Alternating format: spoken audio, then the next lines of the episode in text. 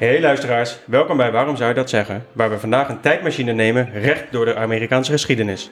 Van de hoopvolle jaren 90 tot aan de dumpster fire van vandaag de dag. Zet je schrap, want we duiken in de wereld van technologische wonderen, politieke rollercoasters en culturele achtbanen die ons naar het huidige Amerika hebben gebracht. Denk aan Bush's War on Terror en Obama's hoopvolle Yes We Can, tot aan Trump's Make America Great Again. Elk van deze slogans weerspiegelt de golven van verandering, angst en hoop die de Amerikaanse politiek en samenleving hebben gevormd. De 21ste eeuw heeft ons in een wervelwind van technologische innovatie, economische schommelingen en een toenemende kloof tussen de haves en de have-nots gebracht. Het is een tijdperk waarin de Amerikaanse droom lijkt te vervagen in een landschap van individualisme en digitale echokamers. Dus, hoe, zien we, hoe zijn we hier gekomen? Waarom lijkt Amerika meer verdeeld dan ooit? Luister bij Waarom zou je dat zeggen?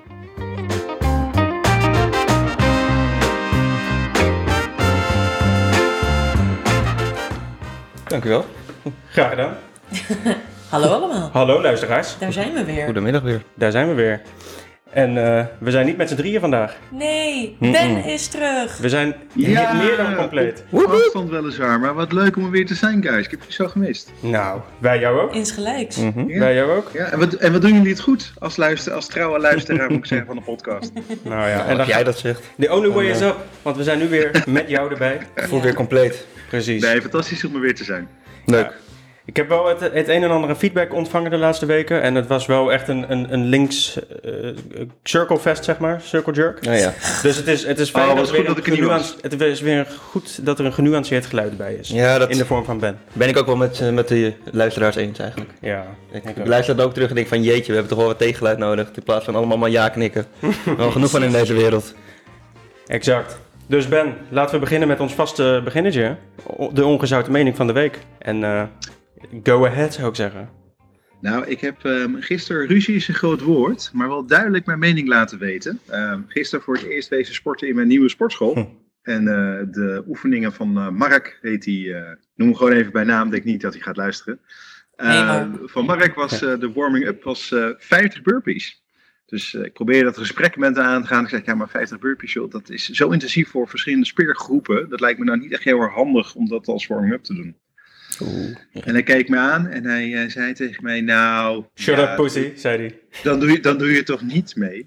Toen dacht ik ook, nou, Was dat zijn ik mis Randy jongens, ik mis Randy. Ja, Ja. Wauw. Wauw. Wauw. toch een Die beetje niet plezier uit zijn Eekhuizen, dat eh, West-Fries, dat eh, directe mentaliteit. Je zit nu in de ghetto. Alles buiten Amsterdam, hè? Absoluut. Ja. Alright, heftig man. Heftig. Ja. Even terugschakelen dus. Het is, het is even terugschakelen. Dus dat, eh, ik, mis, eh, ik mis Randy en dan merk ik toch Amsterdam ook. Ik loop hier binnen en ik vraag in een cafeetje havermelk en dan zit ze me ook aan te kijken. Oh, wel sorry. Mm, mm, Ja, Heb je er weer zo vraag in? om haver. Een elitaire lul. Hey Mark, als je luistert, eh, probeer weer gewoon de passie te, terug te vinden in je werk. Kom op man, je kan het. Ja. En 40 burpees is ook goed. Ja. Het hoeft niet 50. Zeker. Kom maar. Na tien ben je ook wel Maar ik moet, ik moet wel zeggen, om eventjes dan de vergelijking van de sportschool eh, eh, te benaderen. eh, in de, eh, na de training zeg maar eh, omkleden en eh, raakte een beetje in gesprek met iemand die ook de les volgde. En eh, ik zei tegen van, joh, is die, is die markt er altijd? Of eh, zijn, er, zijn er ook andere instructeurs? Ik denk, ja, moet ik mijn proefweekje nou gaan verlengen? Of eh, zullen we dan meteen eh, de papieren weer verscheuren?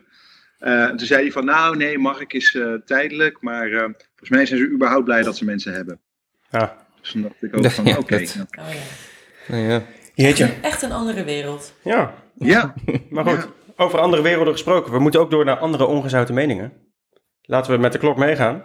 Oh, dat ben ik. Dat ben jij. Ja, mijn ongezouten mening van deze week is eigenlijk heel eh, kort. Eh, waar ik eigenlijk over het algemeen heel erg eh, voorstander ben van gelijkwaardigheid, wil ik deze week graag pleiten voor aparte gesegregeerde kapstokken.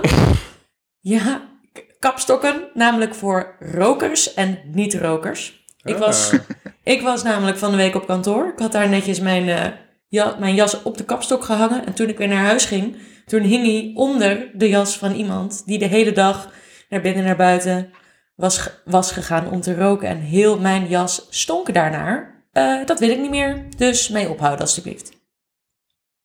Duidelijk. Ja, Niet mee ik, eh, oneens. kan, je, Kan je misschien mee helpen, Mara? Want ik weet namelijk dat Maxime heeft op de, de crash heeft hij zo'n zakje waar dan als eh, kleding op de kapstok in moet tegen hoofdluizen, dat het eh, minder snel overspringt. Dus ik kan zo'n dingetje voor je meenemen, dan kan je daar ook hier als in doen. Heel fijn. En dan kan ik daar ook meteen een lusje bruisbal in verkruimelen, zodat mijn, mijn spullen in ieder geval lekker blijven, blijven ruiken. Goede oplossing. Dankjewel, Ja. Ben. Weet je. En dank je voor share. ja, dus, het is het mee eens. Prima. ja, ik ook. En eh, heb jij een mening waar we het misschien niet met z'n allen over eens zijn? Misschien, eh, vaak. Ehm, ik, ik zat gisteren bij mijn moeder op de bank en dan, eh, hebben- dan zaten twee sporten waren beschikbaar op NOS Studio Sport. En daar één daarvan was wielrennen en de andere is schaatsen. Nou vind ik schaatsen een enorm leuke sport. Samen met mijn moeder op de bank om te zien. Maar er werd er ook wel eens geswitcht naar wielrennen. En mijn ongezouten mening van deze week is dat wielrennen fucking saai is. En dat Zo. zeg ik terwijl ik schaatsen kijk, ik weet het.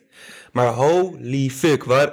En het, het enthousiasme waar die commentator erover praatte, ik snapte het gewoon niet. Dan gaan ze weer demareren. Ga toch op man. Ja. Ik, eh, sorry, ik, eh, Je liet je even gaan. ik liet me even gaan. maar ik, Maar snap het he- ik snap het volkomen. Dank Wat je. een ontzettend saaie sport is dat. voor uren. Ja, voor uren. Er gebeurt niks. Nee, da- dank je. Blijkbaar wel hoor, tactieken. Maar Het is wel schaatsen, dat ontzettend zwaar, wielrennen. ongelooflijk knap van die mannen. Ben jij een wielrenman, En Ben? vrouwen en anderen. Oh, sorry. Totaal niet. Ik heb wel een paar keer de Tour de France eh, een dagje langs gezept en denk, oh wat is Frankrijk toch mooi. We laten we eens lekker op vakantie gaan. Ja. En dan, kijk, dan Eh, kijk je voor het land en niet voor de sport. Nee, niet voor de sport. Ik moet wel zeggen, bij Olympische Spelen heb je baanwielrennen, eh, volgens mij. Dus dan gaan ze in zo'n eh, in zo'n ovaal eh, en dan met aanvallen. Dat, dat is wel, dat is twee rondjes. Ik, nou, dat is precies mijn spanningsboog. Dat hou ik nog net vol. Eh, maar voor de rest baan, nee, eh, nee. Vrienden van mij zijn ook allemaal into de, eh, into de wielrennen en dat soort dingen. Maar ik vind dat, gaan ze dan met z'n allen gaan ze dan eh 50 kilometer eh, wielrennen op zondag. Ja, Ja.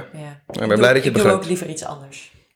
Oké. Ja. En jij, San? Wat is jouw eh, ongezouten mening? Mijn ongezouten mening is dat we moeten stoppen met het vervoeren van levende dieren. Want ik weet niet of jullie het eh, deze week weer hebben Hmm. meegekregen. Het is helemaal geen unieke mening of zo. Die- Meerdere mensen vinden dit. Maar er was in Kaapstad lag er een boot met iets van 19.000 koeien. En die lag daar te wachten tot het er weer weg kon varen, of getankt werd of zo. Maar die koeien die waren niet echt in eh, hele barmelijke omstandigheden. Namelijk nogal erbarmelijke omstandigheden. Eh, er waren dode koeien, do- koeien lagen onder de kak, zaten ze in die boot. Het was heet in Kaapstad. Het stonk zelf allemaal zo erg dat de mensen in de buurt van die haven... die moesten hun ramen en deuren gesloten houden. Omdat anders al die lucht in hun huis kwam. Dat is best vervelend in de Kaapstadse zomer. Dat is hartstikke vervelend voor die mensen, maar nog meer voor die beesten natuurlijk. Ja, fair enough.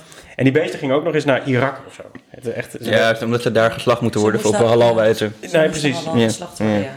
Maar dat zou je ook bijvoorbeeld kunnen doen op de plek waar die koeien dan al leven, denk ik. Op een Ja. manier. Ik, la- laten we zo zeggen, ik vind dat. En Ja. dit moeten we oplossen. En dit is niet een oplossing, in mijn ogen. Dus eh, laten we gewoon geen levende dieren meer eh, vervoeren.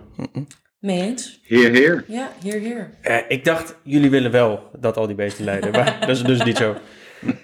Toch Nee, ja- nee, toch nee. niet zo ongezoten. Wat Nee. een, wat een ja-knikkers zijn wij inderdaad. Oké. Nee, Nee. sorry. eh, geen discussie deze week. Maar geen levende dieren vervoeren is wel mogelijk. Maar bedoel je in die context dan? Nou ja, het, het, zou, het is natuurlijk wel mogelijk. Als je het echt wil. Nou, Woody is altijd heel blij hoor, als je bij ons in Dat bedoel ik. Ik bedoel, ik, Ja. die wordt ook weer voor. Dat is ook een levend dier. Ja, Wij moeten soms ook met de poes naar de dierenarts. nou dat Die wil zij ook ik- niet hoor. Die breng, die breng ik liever levend naar de dierenarts. Fair enough. Goed. Maar goed, laten we lekker naar de inhoud gaan. Want eh, waar we vorige week het over de Amerikaanse politiek hadden en hoe Trump Trump is kunnen worden, eh, daar zijn we toen geëindigd bij de jaren 90 ongeveer. En Ja. eh, precies daar gaan we vandaag eh, verder. Nou, niet Dus- precies daar. Ik ga hem nog even ietsje terugpakken. We gaan namelijk terug naar 1987. Want dit, dit is wel een enorme relevante gebeurtenis in de geschiedenis. Ehm, laten we eerst maar even het fragment horen. En dan ga ik hem daarna toelichten.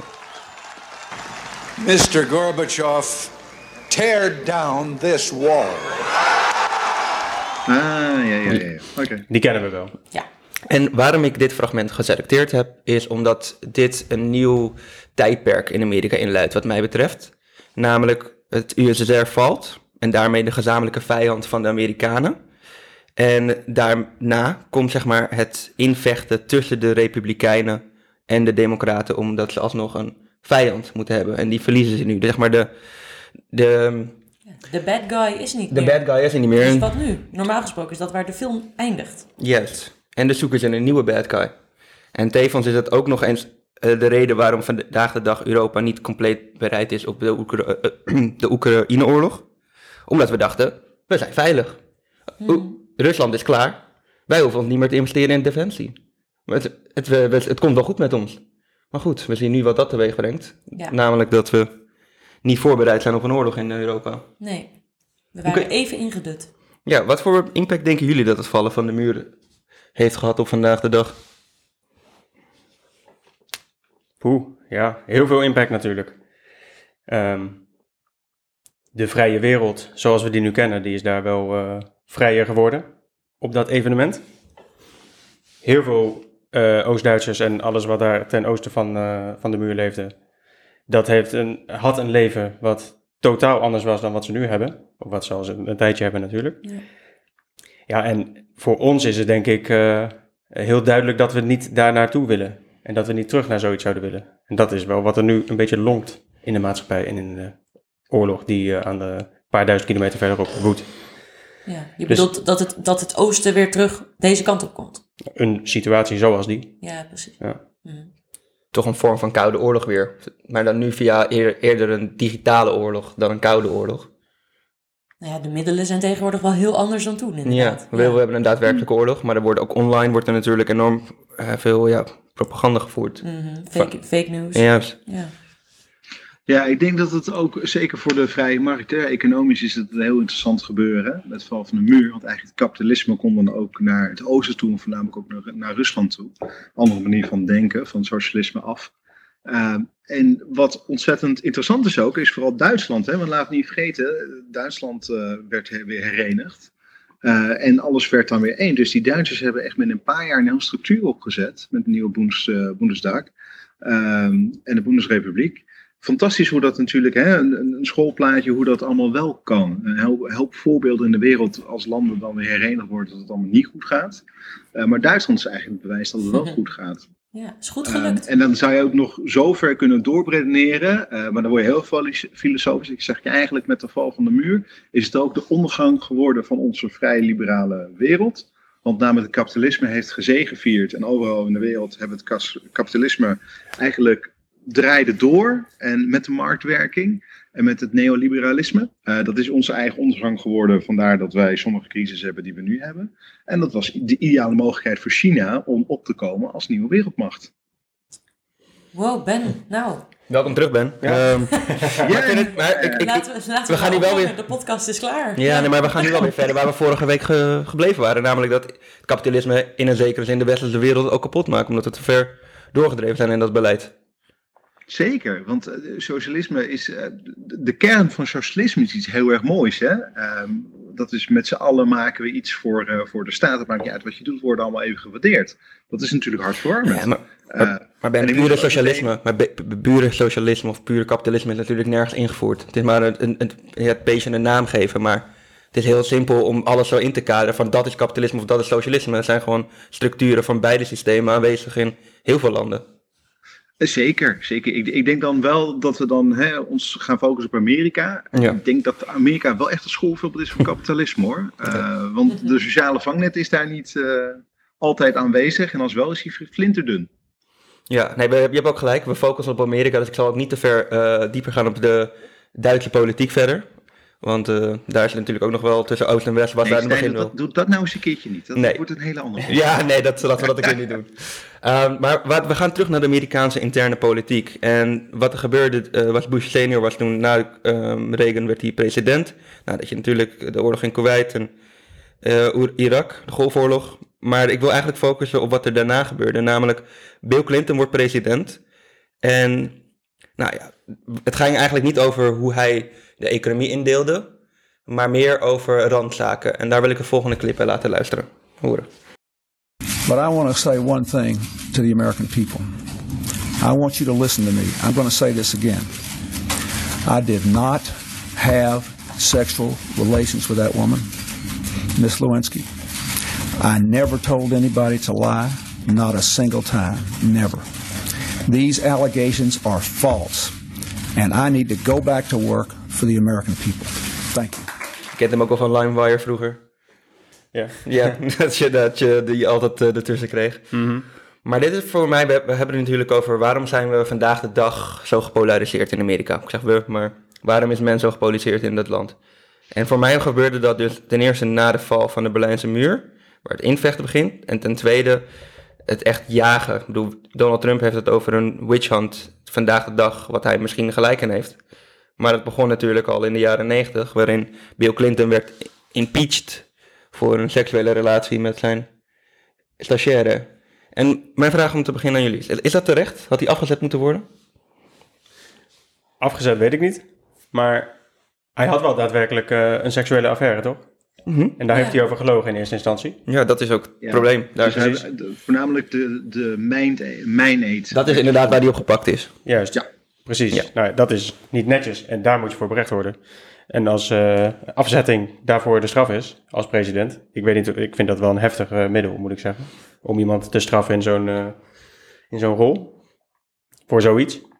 Ja, want, want wa- waarom, waarom was het mijn eet? Waarom is hij daarmee gepakt? Want op zich overspel is niet strafbaar. Nee, maar hij heeft gezegd Nee, hij dat... had gelogen voor de Senaat eh, dat hij geen seksuele. Daarom zegt hij ook: I did not have a sexual relationship with this woman. Ah, eh of with that woman. Oké, Eh, en dus- dat had hij achteraf dus wel. Maar hij had dus onder Ede had hij dat. Juist. Dus dat is bijna niet. Maar, Aha. ja, maar dan de argumentatie van de democraten was het dat je high crimes en misdemeanors moet plegen om afgezet te worden. En dit is geen high crime. Het is strafbaar, zeker.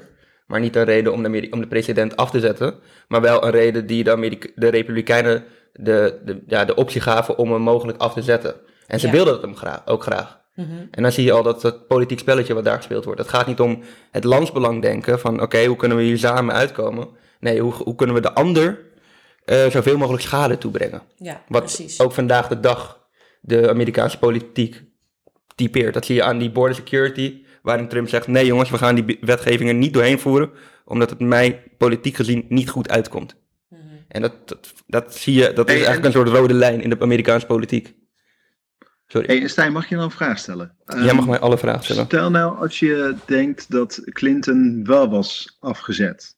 Omdat hij mijnheid heeft had Hmm. gepleegd. Hij is wel, hij is wel gepleegd. impeached, hè? Net zoals Trump is hij wel impeached. Dus, maar dan moet je ook dan de twee derde van de Senaat hebben om echt afgezet te worden. Nee, nee, laat ik de vraag anders formuleren. Ja. Stel nou, hij zegt zelf, nou joh, ik heb, eh, ik heb mijnheid gepleegd. Dat kan niet, vind ik. Ik treed af bij deze. Denk je dat dan onze politiek stelsel er anders uit had gezien? Of dat Amerikaanse? Had hij dan een voorbeeld gegeven? Ja, ik denk dat het er wel anders had uitgezien dan. Ja? Ja, ik denk dat als hij die erkenning had gegeven, dat hij, als hij echt eh eieren voor zijn geld kreeg, dat hij het te hoog pad, ik denk dat het er wel iets anders uit had gezien. Maar misschien, ja, misschien is het een, het is een opstapje tot, hè. Ik bedoel, het- er zijn heel veel factoren hier aanwezig. Het feit dat Barack Obama op een gegeven moment president wordt, heeft ook met de huidige tijdsgeest te maken. Ehm, is het, zou het veel anders zijn geweest? Is natuurlijk altijd moeilijk te voorspellen. Maar het feit, dat, het feit dat de invechten daar begon, tussen de twee partijen, vind ik wel tekenend. Ik bedoel, het begon al vrij snel en het is nooit opgehouden. Want hoe, hoe kijk jij er dan naar? Ja, ik ben het helemaal met je eens. Ik, ik, ik het een hele interessante ontwikkeling gevonden om, om dan te kijken en te kunnen analyseren. Stel nou, Clinton had dat wel gedaan. Hè? Want dan zeggen we, joh, als president, ben je eh, commander-in-chief, moet je het goede voorbeeld geven. Leidend met, eh, met een moraalkompas. Wat ik gedaan heb was stom, was fout, kan niet. Ga ik anders doen. Ehm, ik, ik, bevind het interessant om dan te weten van, joh, dan hou je dan die lijn schoon. Eh, geef dan een voorbeeld naar anderen. Want tot nu toe hebben we altijd, oh joh, het, kan wel, is niet erg. En hè, je gaat heel snel ga je, ga je van die ladder af, zeg maar. eh, wat, eh, wat, toe, wat wel en niet toelaatbaar is. Kijk maar wat Trump allemaal gezegd heeft in 2016. Kijk naar onze Mark Rutte, die geen actieve geheugen heeft. Ja. Eh, hè, het is, het is wel, ja, Het creëert een president Ja, precies. Ja, dat, Ja. Nou, ik ben blij dat Dus ik had het zijn. interessant gevonden om te kijken hoe dat dan was als die dan had gezegd: nee, ja, was dom voor mij, echt heel stom. Ja, kan eigenlijk niet, want ik ben de hoogste in functie, dus kan niet. Nee. Maar tegelijkertijd denk ik ook, want de Republikeinen waren altijd nog wel netjes. Als je kijkt naar John McCain en dan ook eh, senator Mitt Romney. Het is wel echt, zeg maar, Donald Trump heeft wel echt een vrije baan gecreëerd voor alle andere Republikeinen om ook zich zo uitzinnig te gedragen. Ah, niet allemaal toch? Er zijn er drie of zo die dat niet doen. Nee, maar er zijn- die Nikki Haley, dat is volgens mij een hele re- redelijke vrouw. zo net zo mager gekkie als, als Trump. Maar kijk, ik Ja? snap dat je dat zegt, want iedereen lijkt redelijk bij Trump. Mhm. Maar is maar Trump is iedereen, ja, Ja. ja. Dus zo Maar zegt zij, die zij, lijf heeft ook. dingen dat je denkt, wow, even normaal hoor. Ja. Natuurlijk heeft ze dat ook. Maar als je daar naast Trump zet, wat nog niet gebeurd is omdat Trump dat debat niet aandurft, dan, eh, da- dan zul je zien dat, zij, dat, dat het verschil gewoon huge is. Dus eigenlijk, het, het is niet normaal wat Trump is. Ja, dat, ik denk dat je dat heel goed vindt. Ja. Ja. En ik, ik vind eigenlijk jammer dat eh, de Democratische Partij niemand anders heeft om eh, voor Biden te laten gaan. Want Biden, Harris? eerlijk gezegd, hij is niet. eh, ja, maar de- Er Harrison is eh, niet, eh, niet geschikt. Die houdt de boel niet bij elkaar. Nee, het is, Nog is- niet. dat, maar dat is het ook het probleem. Er is gewoon niemand anders. Niemand anders die op het... triest. Het is heel triest dat dit de twee beste mensen zijn die het land kan voorbrengen. Maar hoe kan dat? Zo'n groot land en dan zijn dit de beste opties?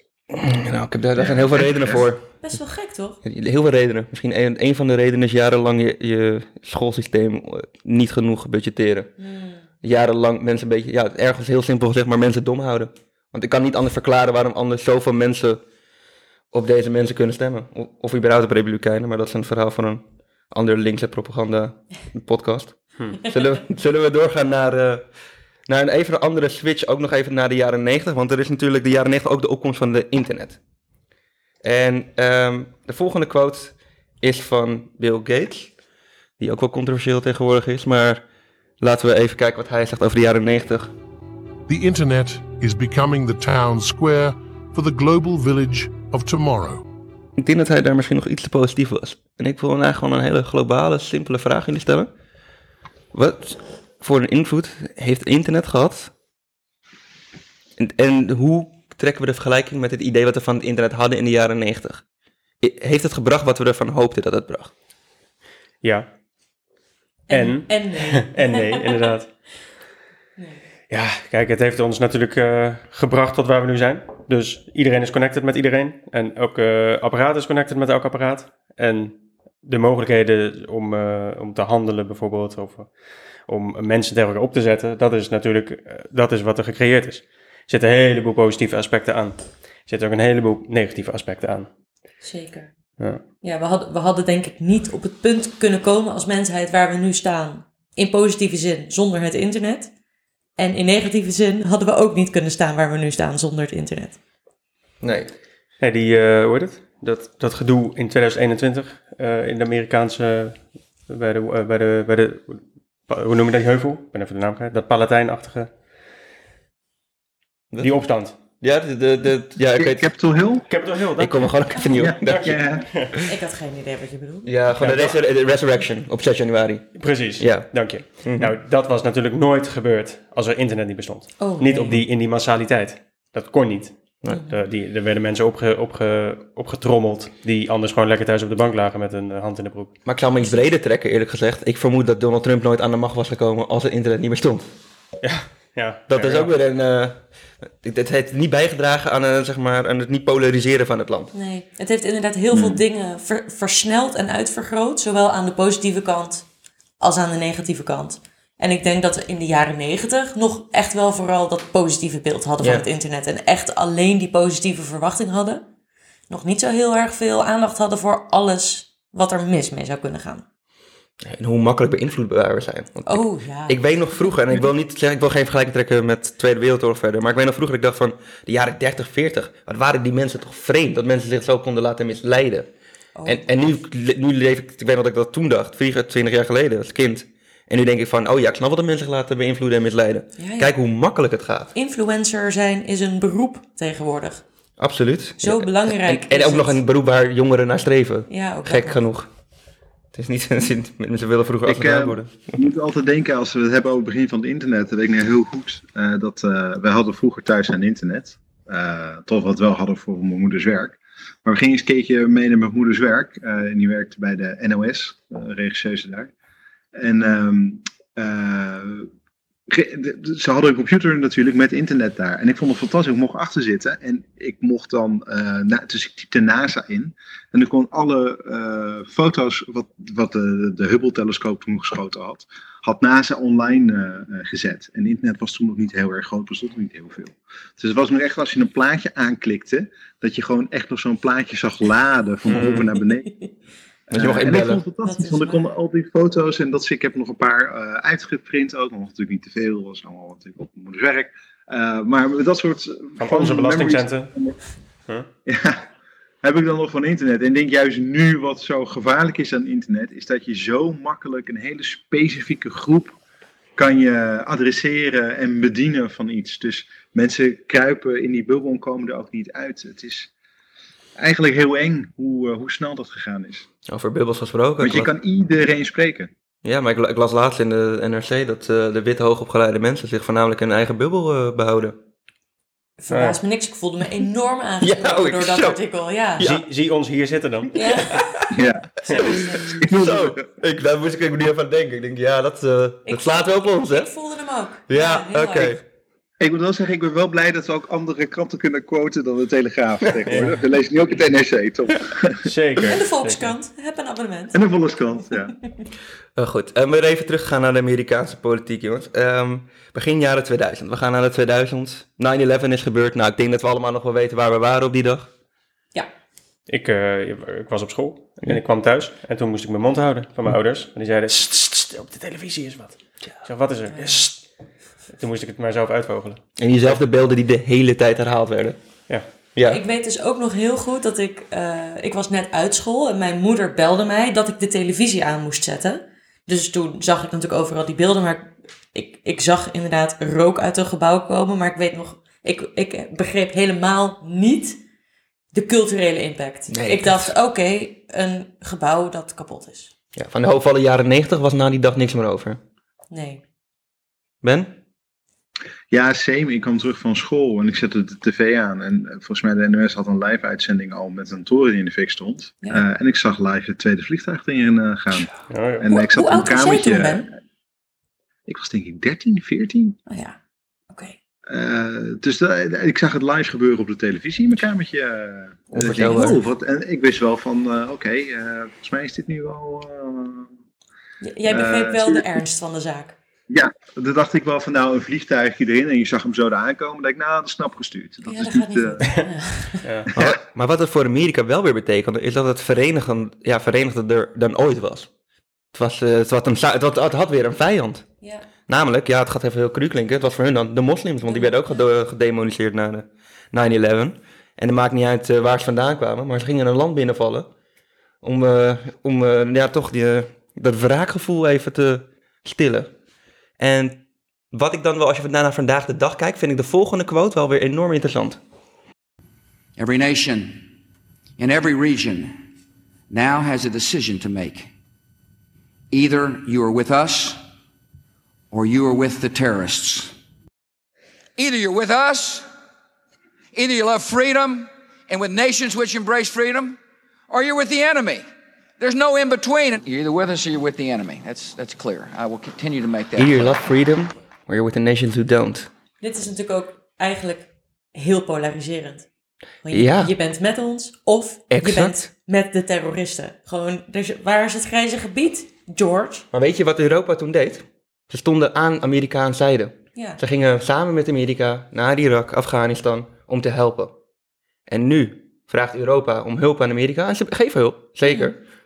En ze kunnen op een vrij goedkope manier ten opzichte van, eh, ter vergelijking met I- eh, Afghanistan en Irak, waar ze een triljoen, of hoe je dat ook in Nederland zegt, eh, kwijt kunnen zijn, kunnen ze vrij goedkoop kunnen ze Oekraïne helpen. En dan kiezen ze ervoor om aan de kant van de terroristen te staan. Nou, niet allemaal natuurlijk, maar ik bedoel, ze helpen de terroristen nu in een zekere zin door geld in te houden en Oekraïne niet te steunen. Terwijl ze makkelijk het zichzelf kunnen permitteren. En de terroristen, daarmee bedoel, Bedoel je je- dan nu Poetin? Sowieso. Ja, oké. Sowieso. Terwijl eh, Amerika er niet echt onbekend staan dat ze Rusland erg aardig vinden. Nou, tegenwoordig eh, ga je daarbij nou over twijfelen. Als je ziet dat Tucker Carlson nou dat, dat interview met Poetin doet en dat veel mensen aan de rechterkant dat toch wel prettig vindt, omdat, Ameri- omdat Poetin zo'n charismatische, tussen aanhalingstekens, sterke leider, Ja, ja, ja. dat willen ze graag zien, die tegen homorecht Ah. is. La, la, la- laat mij wat nuance brengen in eh, wat net gezegd is. Ehm, want het was natuurlijk wel zo, hè, dat eh, eh, wat je zegt, Stijn, heb je helemaal gelijk in. Hè? Europa ging mee naar Irak en, en Afghanistan. In het begin Afghanistan, want dan was natuurlijk de Taliban was, daar aan de macht. Mhm. En wij wilden juist de liberale Westen, wilden wij dat, hè, we wilden die onderdrukking, vooral voor de vrouwen, die wilden we daar weghalen. Nou, dat was niet het idee waar, waar was- ko- kochten. Sorry. Nou, dat, dat was ook moraal wat in Europa leefde. En natuurlijk, kijk, eh, Amerika die wilde alles plat bombarderen wat, eh, wat rechtop stond. Want dat was vergelding voor, ehm, eh, voor 9-11. En dan denk ik Irak, is dan iets anders, want met de Veiligheidsraad, en, en laten we ook eerlijk zeggen, daar zat wel Saddam Hussein, hè? dat was ook niet helemaal kosher, uh, aardige vent. Dat is ook een beetje, was een uh, fluitketel. Dus, maar, dat geeft, dat, maar die heb je er wel meer in de wereld, laten we heel eerlijk zijn. Wat zeg je? Je er wel meer in de wereld, uh, rare fruitketels. Niet nee, nee zeker. Om Kijk, het is niet beter op geworden. Hè? Nee. Uh, dat, dat, dat is helemaal vooropgesteld. Dus, maar het was niet zo van, uh, kom, wat, wat mensen nu zeg maar denken, hè, van ah, ze liepen even Irak in. Nou, er waren echt wel aanleiding voor. Ze hebben de, de massavernietigingswapens en dat soort shit, dat, dat was er niet. Dat mee eens. Maar ik kan me nog goed herinneren dat toen, toen ik nog op school zat, dat uh, die Colin Powell, die minister van Buitenlandse Zaken, zat bij de VN. En die zat ze dus, uh, die was een uh, spreekwoord, of een spreekwoord, PowerPoint aan het geven over waarom ze Irak zouden moeten aanvallen. En dat ging, je, je, je schuift het wel van de kant, maar die massavernietigingswapens was de complete aanleiding. Er is geen andere reden om het land binnen te vallen. En ze wilden per se de goedkeuring krijgen van de VN. En, en, en daarmee gingen ook bijvoorbeeld de Britten gingen dat bevestigen. Ze hebben gewoon valse informatie gecreëerd, valse bronnen gecreëerd, om hun steun voor de, voor de oorlog te krijgen. Nee, dat vind ik dat, ja, dat is toch minst opvallend. En tegelijkertijd... Het is opvallend, het is ronduit schandalig, hè? Dat, ja, want het Midden-Oosten is daarna wel... netjes in bent. Nee, maar het Midden-Oosten is daarna wel dat... compleet gedestabiliseerd. En daarna is de haat naar Amerika toe, alleen maar toegenomen. Ja. En Europa was daar dan ook wel redelijk naïef.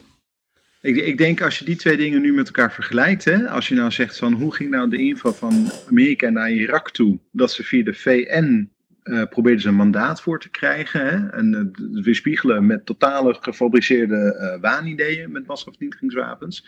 En dan je ziet wat Poetin doet, gewoon een land binnenvallen. Dus ik, ik denk dat je daar ook wel echt het verschil ziet van het Vrije Westen en tussen gewoon een dictatuur. En niet dat. Alle twee leiden tot een inval van een ander land. Hè? Dus ik bedoel, van de, de, de, laten we daar ook reëel in zijn. Maar je ziet toch dat het Westen meer geordend is om men, mensen mee te krijgen. En wij in Europa, ja, wij kunnen toch niks anders dan met de Amerikanen meelopen. Wat, wat, wat, wat kunnen wij nou? Ja, we hebben geen alternatief nu, toch? We zijn niet nee. sterk genoeg. En nee. uh, we zitten tussen die twee grootmachten in. Drie eigenlijk, als je China ook nog meetelt. Zeker, maar, maar kun je weinig mee. Maar, maar wat mijn punt ook is, is zo van Amerika vroeg ons hulp en we gaven het. En ze doen nu alsof wij nooit aan de, ik we voldoen niet aan de NAVO-norm. Maar de momenten, de laatste momenten dat, ons, dat er zeg maar oorlogen uitbraken van, voor Amerika, vroegen ze alleen om Europa's hulp. En dat was nooit andersom, daarvoor, voor, na de Tweede Wereldoorlog. Nou ja, laten we ook niet onder stoelen banken schuiven hè, dat de Amerikanen uh, hebben ons twee keer bevrijd hè, in de Eerste en in de Tweede Wereldoorlog. En hebben daar dus nou het land uh, opgebouwd met de Marshallplannen. Nee eens, en daar zijn we ook tegen dankbaar voor. Goeie genade. Ja, ja dus zeker. we hebben een hoop aan de Amerikanen te danken. Ja. Dat betekent niet dat ze superioriteit hebben en dat wij maar als slaafse mensen achter ze aan moeten lopen. Daar ben, daar ben ik het helemaal niet mee eens. Maar gelukkig uh, is er een land zoals Amerika die daar wel de rechtsorde hoog heeft staan. Ja. En toch de politieagent van de wereld is. Ja, maar, dat zie ik bijvoorbeeld.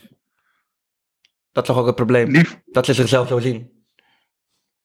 Uh, ja, weet ik niet. Is dat een probleem? Uh, ik ben, blij dat, ik ben blij dat er een land is tegenwoordig in de wereld die zegt van hé hey, gasten, er worden raketten vanuit Jemen worden geschoten op koopvaardijschepen. Hè? En dat is iets verder dan piraterij. Dat is gewoon, dat is echt het andere tijden in de wereldgeschiedenis zijn dat oorlogsverklaringen. Ik ben blij dat er tenminste nog een natie is in de wereld met dezelfde waarden en normen die wij hebben, die daar iets tegen doet.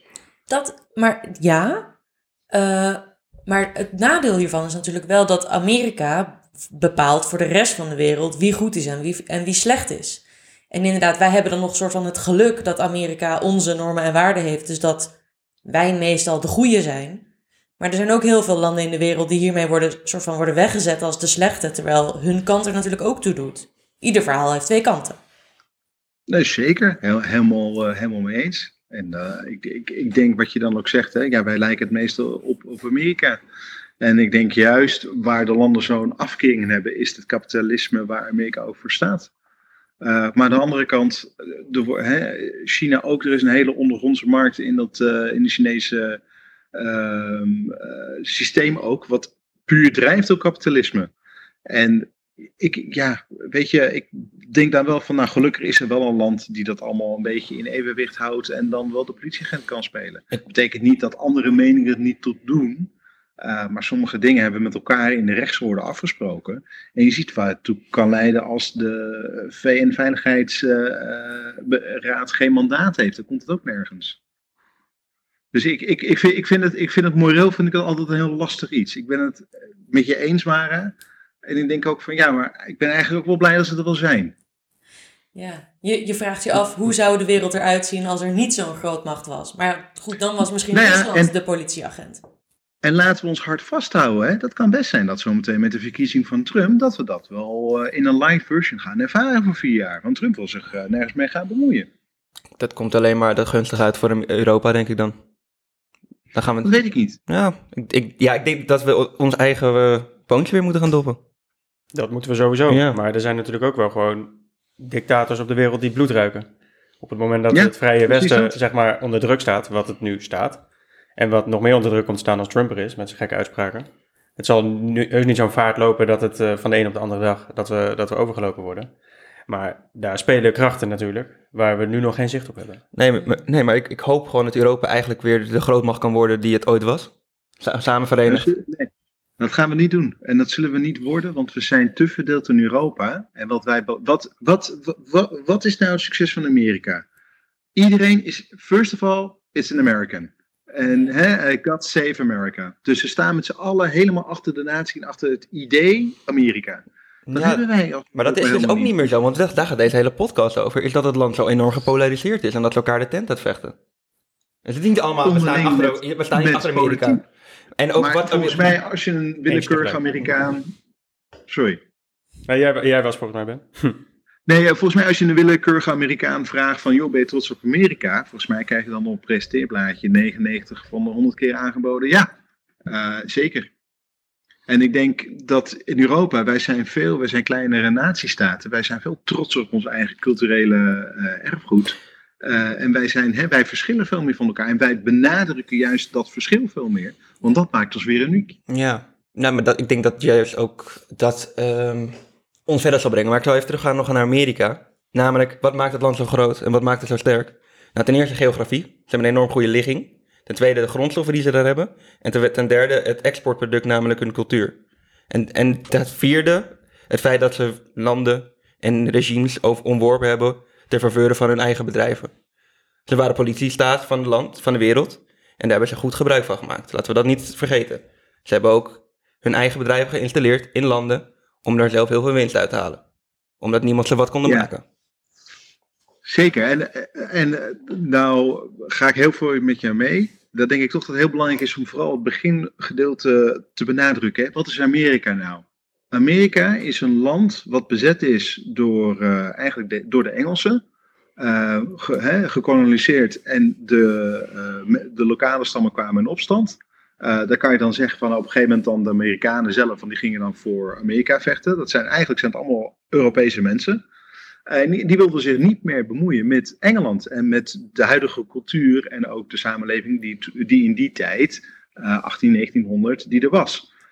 En de Amerikanen kwamen alleen naar Europa toe om ons te helpen in de wereldoorlog. Voor de rest waren ze totaal niet geïnteresseerd en waren ze vrij... Ze, uh, werden ook een beetje de Tweede Wereldoorlog ingenomen. Of, uh, ze wilden er eigenlijk niks ja, mee te maken hebben. Ja, ja, ja maar ook de Eerste Wereldoorlog, dat ook maar niet op. Dus, en ze hebben er uh, zelf dus, ook profijt van. En, en, dat wilden ze twee keer niet, want twee keer wilden ze daar helemaal neutraal van blijven. En toen heeft Amerika wel gezien van zie je, als wij er dan niet zijn en wij kunnen niet dat overwicht bieden wat we dan hebben, ja, dan uh, wordt het een zooitje. En laten we eerlijk zijn, Europa zag er niet goed uit na de Tweede Wereldoorlog. Zeker mhm. West-Europa was kapot en plat uh, uh, gegooid. Ja. Daar mogen dus, we dankbaar zijn. Ja, het is dat sterke leger en dat soort dingen. Ja, dat, dat hebben wij eigenlijk ook zelf gecreëerd, wij Europeanen. Want wij waren te veel met onszelf bezig. Meent. Ja. Maar, um, Zullen we door naar het volgende, ja. naar het volgende fragment en gedeelte? Ja. Ja, want uh, we hebben natuurlijk de, de onrust na, de tweede, na 9-11. De war on terror hadden we. Mensen waren boos. Maar toen kwam er toch weer hoop. Namelijk onder een, misschien een man waar je wel eens van gehoord hebt. I do have one final ask of you as your president. The same thing I asked when you took a chance on me eight years ago. I am asking you to believe Not in my ability to bring about change, but in yours. Yes, we can. Yes, we did. Yes, we can. Thank you. God bless you.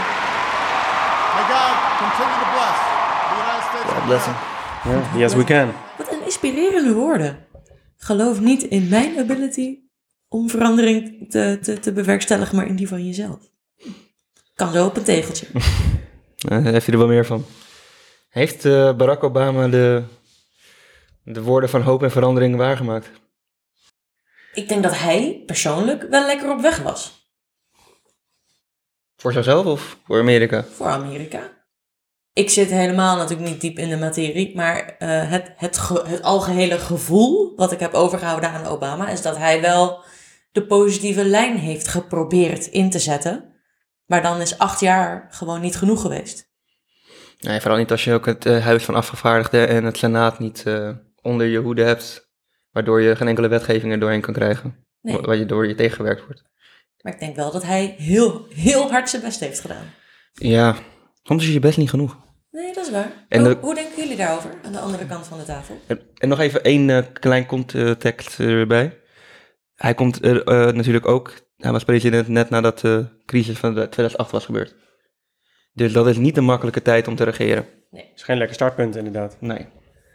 Ik weet wel nog dat ik dat er, dat er ook in Europa, of in ieder geval Nederland, dat er best wel wat opluchting was dat, eh, dat Obama had gewonnen destijds.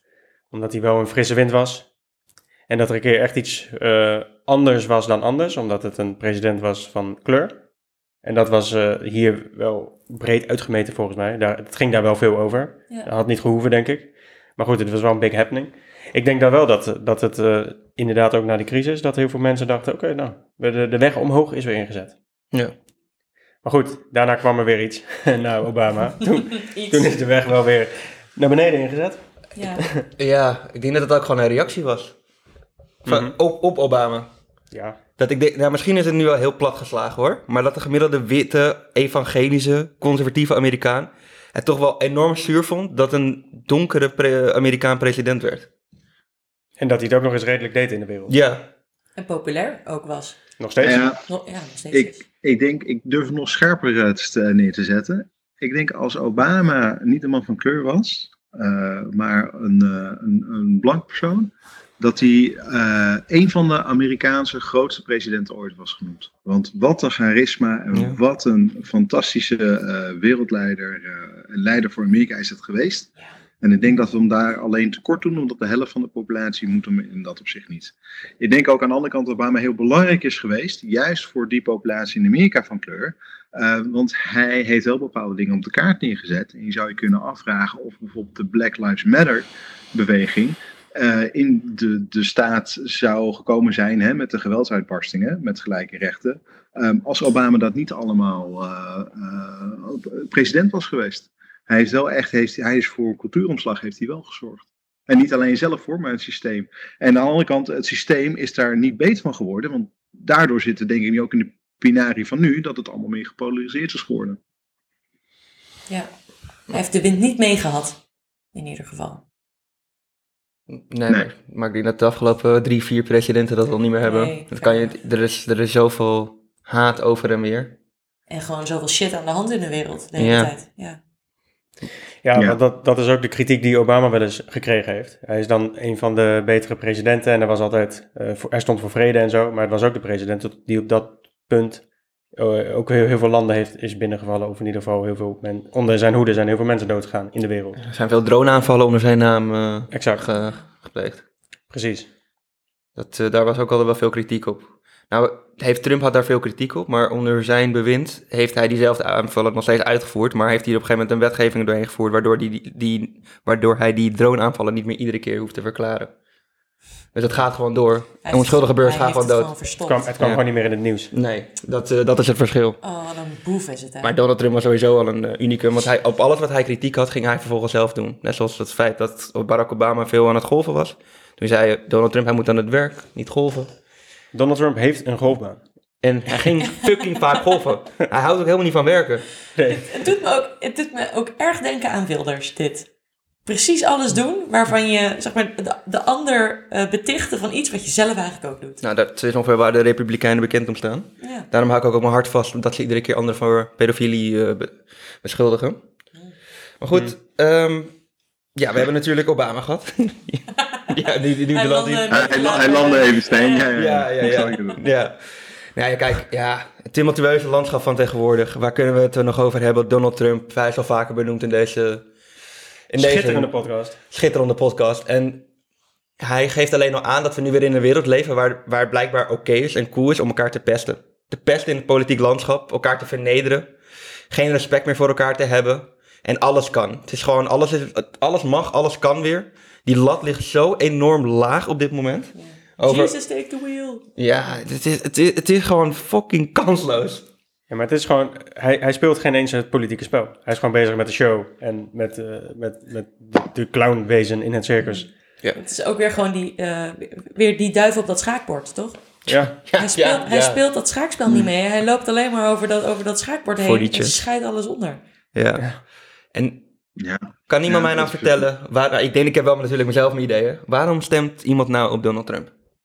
Waarom wordt hij gezien als een verlosser, een, je, een, een, een soort messias? Iemand die een elitaire lul is die 400 miljoen van zijn vader heeft geërfd en eigenlijk geen fuck voor zichzelf heeft gedaan. Ja, ik denk dat waar, waar hij heel goed in is, is het de indruk wekken dat hij weet welke kant het op moet met dat land. En zeker als je hem natuurlijk nu afzet tegen Joe Biden, die ouder, fragieler overkomt, dan, dan denk ik dat de, de, de, doorsnee Amerikaan toch denkt, ja, maar eh, Trump, die gaat ons ergens naartoe brengen. Dus ik denk, ja, ik denk Ja, dat, dat, dat men daar meer toch de, de leiderschapskwaliteiten in ziet. Daar geef ik je gelijk in. Ik denk inderdaad dat ze hem dat eerder denken. Maar waarom, hij, waarom wordt hij buiten dat om ook nog gezien als echt een ja, enorme held? Het, het gaat verder dan dat, zeg maar. Dan gewoon iemand die je land verder kan krijgen. Hij wordt voor. En dat vind ik toch wel nou, schrikbarend. het is gewoon de meest populistische gast die er ooit bestaan heeft, toch? Zo ongeveer. Precies. Nou, ik ken nog wel Samen- iemand in de Tweede Samen Wereldoorlog. met Boris. Mm. Ja. Ja, dat was, dat was meer pop- nog meer populistisch. Ja, dat, maar ja, dat is daar hebben we een ander woord voor. Oké. Nee, ik, ik ben het helemaal met Sander, Sander eens. Ja, super populistisch. Ehm, zometeen ook staan hij wordt herkozen. Nou, prima. Heeft hij, wat heeft hij gedaan van zijn vorige? Ik bedoel, het is heel makkelijk, net als wilden ze overal tegen te schreeuwen. Maar op een gegeven moment moet je het zelf doen. Volgens mij heeft hij in vier jaar tijd bar weinig gedaan. En dat was nog zijn, zijn grootste redding is dat er nog corona was voor twee jaar lang. Dus dat hij niet zoveel kon of hoefde te doen. Ja. Behalve dan het, de corona te managen. Dat was wel zijn ondergang ook. Want ik denk dat als corona niet was geweest, dat hij gewoon zijn termijn verlengd had. Want hij heeft het toch wel redelijk verpest tijdens die coronacrisis. Nou ja, ik denk dat hij heel veel dingen verpest heeft. Maar ik denk dat mensen niet meer herinneren hoeveel hij verpest heeft. Die, die lijkzakken die je zag in New York destijds, omdat ze daar niet, eh, of te veel te laat gingen met die vaccineren. koelcellen en zo. Precies. De, de, nou ja, de, de lijken die, die stroomden gewoon uit de straten, zeg maar. Net als hier in Europa, in, in sommige Italiaanse steden. Ja. Nou, dat was eh, 100% onder zijn bewind gebeurd. Omdat hij vond dat Ja. de vaccinaties niet nodig waren. Nou, ook omdat En, hij te eh, laat reageerde en vond dat het niet echt een probleem was. En dat het weer naar beneden zou gaan. Dat Precies. het, aantal naar nul zou gaan in de, binnen een paar weken. Ja. Ja. Ja. Maar Albert was hij blij hè, dat hij toch in het ziekenhuis lag. En eh, dat het Alle allemaal was door artsen die het allemaal heel serieus namen. Ja, dus ik wil toch nog even, wel even een quote laten horen. Voor een, eh, onze grote meneer. Maar mag ik eerst nog een take geven? Ja? Zouden we, eigenlijk, eh, zouden we eigenlijk kunnen zeggen dat Donald Trump misschien gewoon een influencer on steroids is? Nou, dit, ja. Ja. Oeh, vind ik een mooie maar. Ja? Het is Ik gewoon, hij, hij, hij kan, weet eigenlijk niet veel, maar hij wekt wel de indruk. En hij weet mensen op te zwepen, mee te nemen. Dat, dat zeg je goed. Hij Dat wekt de indruk. Hij wekt de indruk ja, er inderdaad. zit geen echte inhoud in, maar, Maar mensen maar, geloven dat hij maar alles kan. beïnvloeden is een vak op zich. En dat kan hij denk ik heel goed. Hij kan het naast geen ander. Ja, Met heel weinig wat inhoud hij is inderdaad. gewoon de beste influencer van de wereld. Nou, naast Taylor Swift. Fair enough. ja, Ja, oké, oké. Ja. Nou, laten we naar het volgende fragment luisteren. We will make America strong again. We will make America proud again. We will make America safe again. And we will make America great again. God bless you and good night. I love you. enige reden dat hij dit zo zegt, is omdat het een fucking lekker gevoel geeft op het moment dat al dat applaus komt. Daar doet hij het voor. Dat applaus en de erkenning. En Het bekt ook wel lekker hoor. tuurlijk bekt het lekker. Precies, nee, maar hij is toch de supernarcist? Dat, Ja. dat, dat is toch dit? Hij Ja. doet het alleen voor de likes. Zeker. Ja, Ja, de, ja. de, de live likes. Ja. Zo in die stadions en zo, waar die, die, die, die gekke En speeches geeft. Eerlijk is eerlijk, hij kan het wel aardig brengen en er zit een goed tempo Hij- in. En, hè, dus, Simpel, eh, hij brengt gewoon hij simpel. is niet bang om te spreken. Dat, dat, dat is daar Integendeel. wel weer zijn voordeel. Integendeel, ja. Maar Ben, aan jou een Dus vraag. ja. En, ik had het hier ook van de week met jullie over. Hij zegt make America great again. En wat ik me dan afvraag, naar welke periode zal hij verwijzen? Wanneer was, Eh, Reagan willen, willen ze toch allemaal terug? willen ze Reagan terug? De jaren tachtig? De Ja. Republikeinen wel, ja. Ze willen toch allemaal terug naar Nixon en Reagan. Nixon was toch de Uber. eh daar krijgen ze allemaal natte broeken van die Republikeinen. Dat was echt eh, fantastisch eh, eh, hoe, hoe Nixon dat allemaal gedaan heeft. Maar wat ik me dan afvraag, als ze wisten dat hij de EPA, de Envi- even kijken, Environmental Pro- Protect- eh, Product Agency, had opgericht. Dus hij was best wel milieubewust, hoe ze daar tegenwoordig naar zouden kijken. Waar milieu toch eigenlijk, eh, ja, laatste viool speelt. En dat is grappig, want eh, goed zijn voor de aarde en goed zijn voor het milieu is eigenlijk heel conservatief. Ja. Omdat je eigenlijk wil dat het blijft zoals het was. En het was ooit Ja. schoon en niet fucked up. Nou ja, en ook de schepping van God, hè? Mhm. Dat waarborgen. Ja, als, in, als je het hebt over eh, zorgen voor, de, voor je omgeving is oer, oer-conservatief, dan, kan ik ook, dan denk ik ook meteen aan de schepping van God in ere houden. Dat zijn we niet aan het doen. Maar de reden waarom dat ooit is ontstaan, hè, laten we niet veel romantiseren, was ook gewoon omdat Amerika ging toen over aan de olie drillen. Eh, en ze moesten wat terug doen voor de natuur, want je kan niet letterlijk overal gaten in de grond neerzetten. Dus dat was ook een noodzaak om iets van wetgeving te krijgen, om te zorgen dat ze ook A, in sommige gebieden meer mochten gaan drillen, want dat... eh, hè, Daar ging het uiteindelijk en om. B, Oh ja, om te zorgen toch om een groter gedeelte van de mensen mee te krijgen. Want joh, als we dan hier allemaal van die eh, oliepijpleidingen zo neerleggen, ja, dan is dat dus een stukje natuur. Oh, dat hebben we geen wet voor. Laten we dat eventjes in een National Act gooien. Toch zou ik in het Trumpiaanse Amerika niet willen zeggen dat ze dat alsnog hadden gedaan. Nou, als gewoon een geboorte gedacht, fuck it. Ja, zeker. Eh, maar- maar de hele samenleving nu is ook totaal anders dan toen. Hè. Dat was Ja. toch jaren 70, was eh, meer cohesie met elkaar. Dat was, eh, ja. Want no- normaler zou ik eigenlijk willen zeggen. Maar Ja. Minder internet, minder social media, minder Omzuiling. Trump. precies. Omzuiling. Ja. Schijnt ook... Oh, kut. Maar goed, dus we komen dan voorbij vandaag de dag. Is Amerika op dit moment een gaaf land? Een gaaf land. Die, Ja. die woorden, die, klink, die, die kies jij heel zorgvuldig. Net zo gaaf als Nederland, denk ik. Nee. Gaaf landje. Nee. Ik vind, ik vind Nederland nog wel een beetje gaver dan Amerika. Wel een beetje Mm. meer. Ja. Zeker, zeker. Maakt het ook makkelijk dat we maar 18 miljoen inwoners hebben? We zijn een gaaf landje. Ja. Ja. Maakt het wat makkelijker misschien. Minder polariserend. een paasje. hè. Maar we vinden Nederland dus gaver dan Amerika. Daar kan ik in komen. Maar als je het gewoon zeg maar plat allemaal, zijn we dan nog steeds een gaaf land en zijn we een gave beschaving? Dit moment? Oeh, nou die kern zit hem denk ik in het woord beschaving. Ik vind dat de beschaving wel een beetje achteruit holt door, al dat, eh, door het, het individualisme. Dat we veel minder naar elkaar omkijken. En als je dat zeg maar eh, dan extrapoleert naar is Nederland dan gaver dan Amerika, dan vind ik het in ieder geval fijn dat wij, dat wij wel een vangnetsysteem hebben. Waar Amerika dat natuurlijk helemaal niet heeft. En dat vind ik echt helemaal niet gaaf. Voor de gemiddelde Nederlander is het gaver dan hier dan in Amerika. Maar als je Mm. geld hebt, dan zou ik wel in Amerika wonen. Hmm. Ja, Mhm. fair enough. Maar buiten dat, Tom, ik bedoel, eh, fuck, fuck de poor daar. Echt. Ja, helemaal, helemaal met je eens. Gelukkig, ik denk dat we echt gelukkig zijn, gelukkig mogen zijn dat wij in Nederland wonen. Want 100%. Amerika is wel knijt, knijterhard hoor. En de, een of andere rare reden heeft dat toch een romantiek, hè? Dat, dat je dan zegt, eh, dat mensen dan een beeld hebben van, ga naar Amerika en dan ga ik het maken. Ja, if I can make toch- it here, I can make it anywhere. Nou ja, precies hè. En eh, dat is toch wel heel erg, dat is in Amerika ook wel, maar vooral in Europa en vooral Nederland. Nederland is zo klein, iedereen kent elkaar. Als je op verjaardagen gaat, het eerste waar wat gevraagd wordt, oh wat heb je gestudeerd, of welke, hè, wat heb je gedaan. Allemaal. Dit is een hele kleine bubbel allemaal. In Amerika kan je nog naartoe en dan kan je nog van niets kan je iets maken. Zo'n gevoel, een idee hebben mensen. Ja, dat gevoel komt natuurlijk van vroeger, toen mensen dat daadwerkelijk gedaan hebben.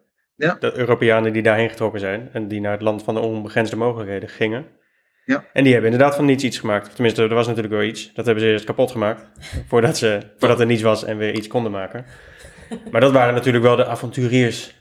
eh, die, die helemaal die bootreis maakten daarheen. En om daar vervolgens iets op te gaan zetten. Alleen als je, ja, nu zijn de tijden wel heel anders. Die, sociaal-economische mobiliteit in Amerika is lager dan in Nederland. Tegenwoordig is het gewoon, je hebt geld, dan kan je geld maken. Maar als je onderaan die ladder begint, dan, kom, dan klim jij niet meer bovenop.